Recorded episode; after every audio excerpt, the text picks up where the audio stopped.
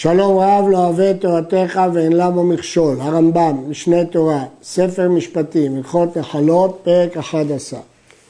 מעות של יתומים שהניח להם אביהם אינם צריכים אפוטרופוס, אלא כיצד עושים בהם?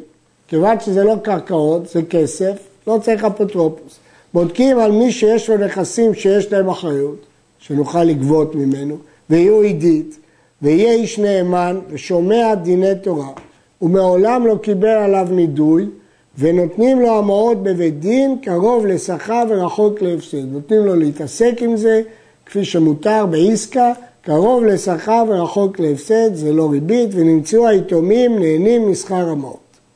וכן אם אין לו קרקע, ונתן להם משכון זהב משובר שאין בו סימן, נוטלין בדין המשכון ונותנים לו המעות קרוב לשכר ורחוק להפסד, או בקרקע או במשכון.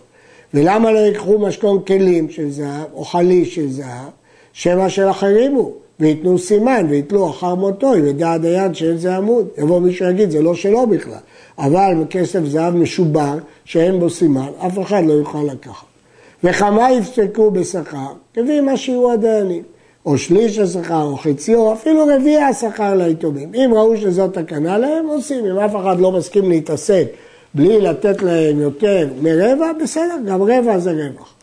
לא מצאו אדם שייתנו להמרות רחוק להפסד וקרוב לשכר. אף אחד לא מוכן בתנאים האלה.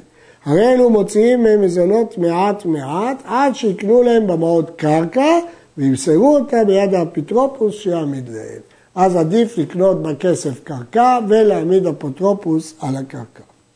כל המיטלטלים של היתומים שמין אותם ומוכרים אותם מיד בבית דין. ואם היה השוק קרוב למדינה, מוליכים אותם לשוק ומוכרים אותם כי אז זה רווח יותר גדול. ויצטרפו דמיהם עם המעות של היתומים. לא משאירים מיטלטלים, הופכים את הכל לכסף מזומן. מי שהיה בידו שכר של יתומים, אם יניחו כאן עד שימכר, שמה יחמיץ. ואם הליכו לשוק, שמא יראו אונס בדרך. אז מה עדיף? הוא שואל אותנו מה לעשות. הרי זה עושה בו כדרך שהוא עושה בשלו. כמו שאתה נוהג בשכר שלך, תנהג בשכר של היתומים, וכן כל כיוצא בזה.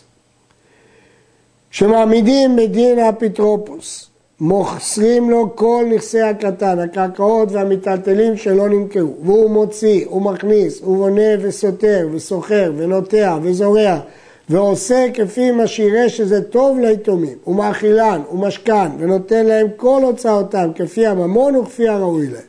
ולא ירוויח להם יותר מדי, לא ייתן להם לבזבז, ולא יצמצם עליהם יותר מדי, לא יחסוק עליהם יותר מדי, אלא ממוצע. כשיגדלו היתומים, נותן להם ממון מורישה, ואינו צריך לעשות חשבונות, מה הכניס ומה הוציא, אלא אומר להם, זהו הנשאר, ונשבע בנקיטת חפץ שלא גזלם כלום. הוא לא צריך לעשות חשבון. אומרים הראשונים, הוא לא צריך לעשות חשבון בסוף. זאת מחלוקת רבי ורבש גמליאל, והלכה כרבש גמליאל שאינו צריך, כך פסק הריף והגאונים. אבל כותב בעל ספר העיטור, שבסוף לא מחשבים, אבל בהתחלה כותבים מה מסרנו לאפוטרופוס.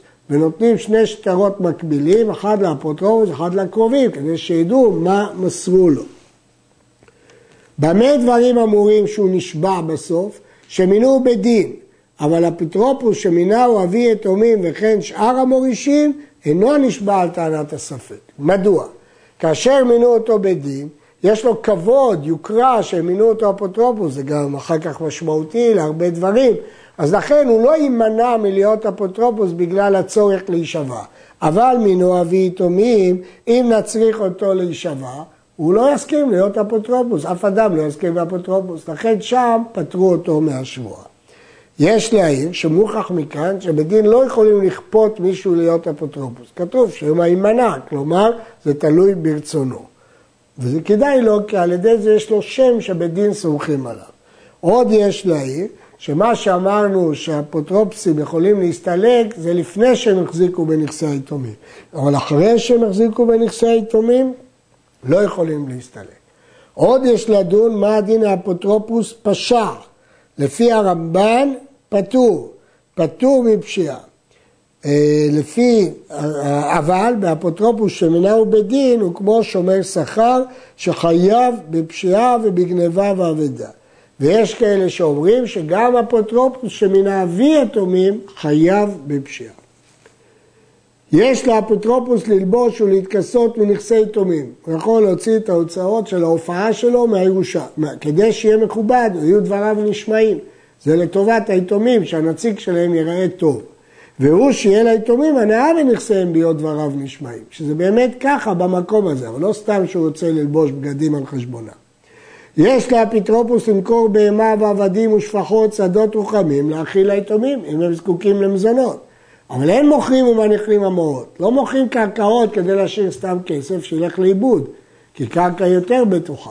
ואין מוכרים שדות לקח עבדים, כי שדות הם יותר בטוחים. ולא עבדים ייקח שדות, למה? שמא לא יצליחו, אולי השדות לא יצליחו, והעבד עובד.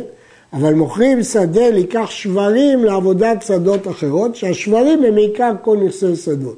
שדות ושברים זה אותו דבר, השברים עובדים בשדה.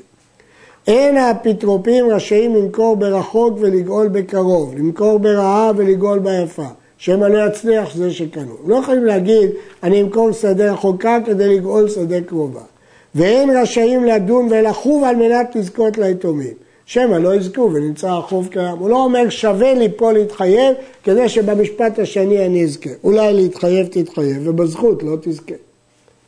אין האפיטרופאים רשאים להוציא עבדים לחירות.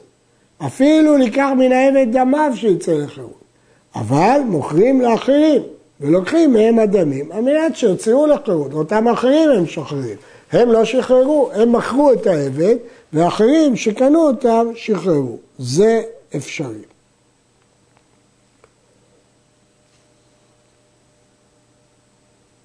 הרייבד כותב שיש מי שחולק על זה ואומר שהלכה כרבי שהוא יכול לתת דמי עצמו ואפוטרופוס ישחרר אותם. האפוטרופים תורמים ומעשרים נכסי יתומים כדי להאכילם. כלומר, את המזונות של היתומים הם צריכים להסר ולהפריש תרומות ומעשרות. אבל לא יעשרו ויתרומו כדי שיניחו הפירות מתוקנים. אלא ימכרו אותם תבל, והרוצה לתקן, לתקן. זה לא תפקידם לעשר, אלא לטובת היתומים. אבל מה שהוא מוכר, לא תפקידם לעשר. הרייבד חולק על זה, כי אסור למכור תבל ולהכשיר בני אדם בנכסי יתומים. כיוון שאין טעם להכשיל ולא להפריש לפני שמוכרים. האפיטרופין עושים לקטנים סוכה ולולב וציצית ושופר וספר תורה, תפילין ומזוזה ומגילה מכספם. כללו של דבר, כל מצוות עשה שיש לה קצבה, בין שמדברי תורה, בין שמדברי סופרים, עושים להם. גם סוכה ולולב שזה מהתורה וגם מגילה שזה מדברי סופרים. אף על פי שאינם חייבים במצווה מכל המצוות, הם לא חייבים לא במצוות מהתורה ולא מדרבנן, הם קטנים, אלא כדי לחנכן, זה רק חינוך, אבל בכל זאת עושים להם. אבל אין פוסקים עליהם צדקה ואפילו לפדיון שבויים, לא נותנים מכספם צדקה, מפני שמצוות אלו אין להם קצבה, והם חייבים רק במצוות שיש להם קצבה. ומי שנשתתה או נתחרש, בדין פוסקים עליו צדקה אם היה ראוי. על קטן לא פוסקים צדקה כי זה ממון שאין לו קצבה, אבל על אה, חירש כן פוסקים. המגיד משנה מאיר פה בשם הרמב"ן והרשב"א, שכל מה שאמרנו שהאפוטרופוס לא רשאי לעשות זה אם הוא לא נטל רשות בבית דין. אבל אם הוא נטל רשות בבית דין, הוא רשאי.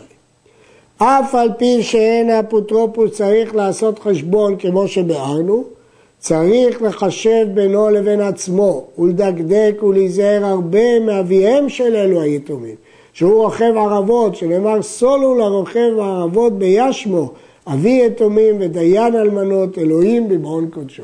אדם שהוא אפוטרופוס צריך להיזהר בכספי היתומים, לדעת שאומנם אבא בעולם הזה אין להם, אבל רוכב ערבות הוא אביהם של יתומים. בריך רחמנא דסיין נגמר ספר שלושה עשר בעזרת שדי, ספר משפטים, ומניין פרקים של ספר זה חמישה ושבעים. הלכות שכירות שלושה עשר פרקים, הלכות שאלה ופיקדון שמונה פרקים, הלכות מלווה ולווה שבעה ועשרים פרקים, הלכות טוען ונטען 16 פרקים, הלכות נחלות 11 פרקים. בריך, רחמנה וסייען.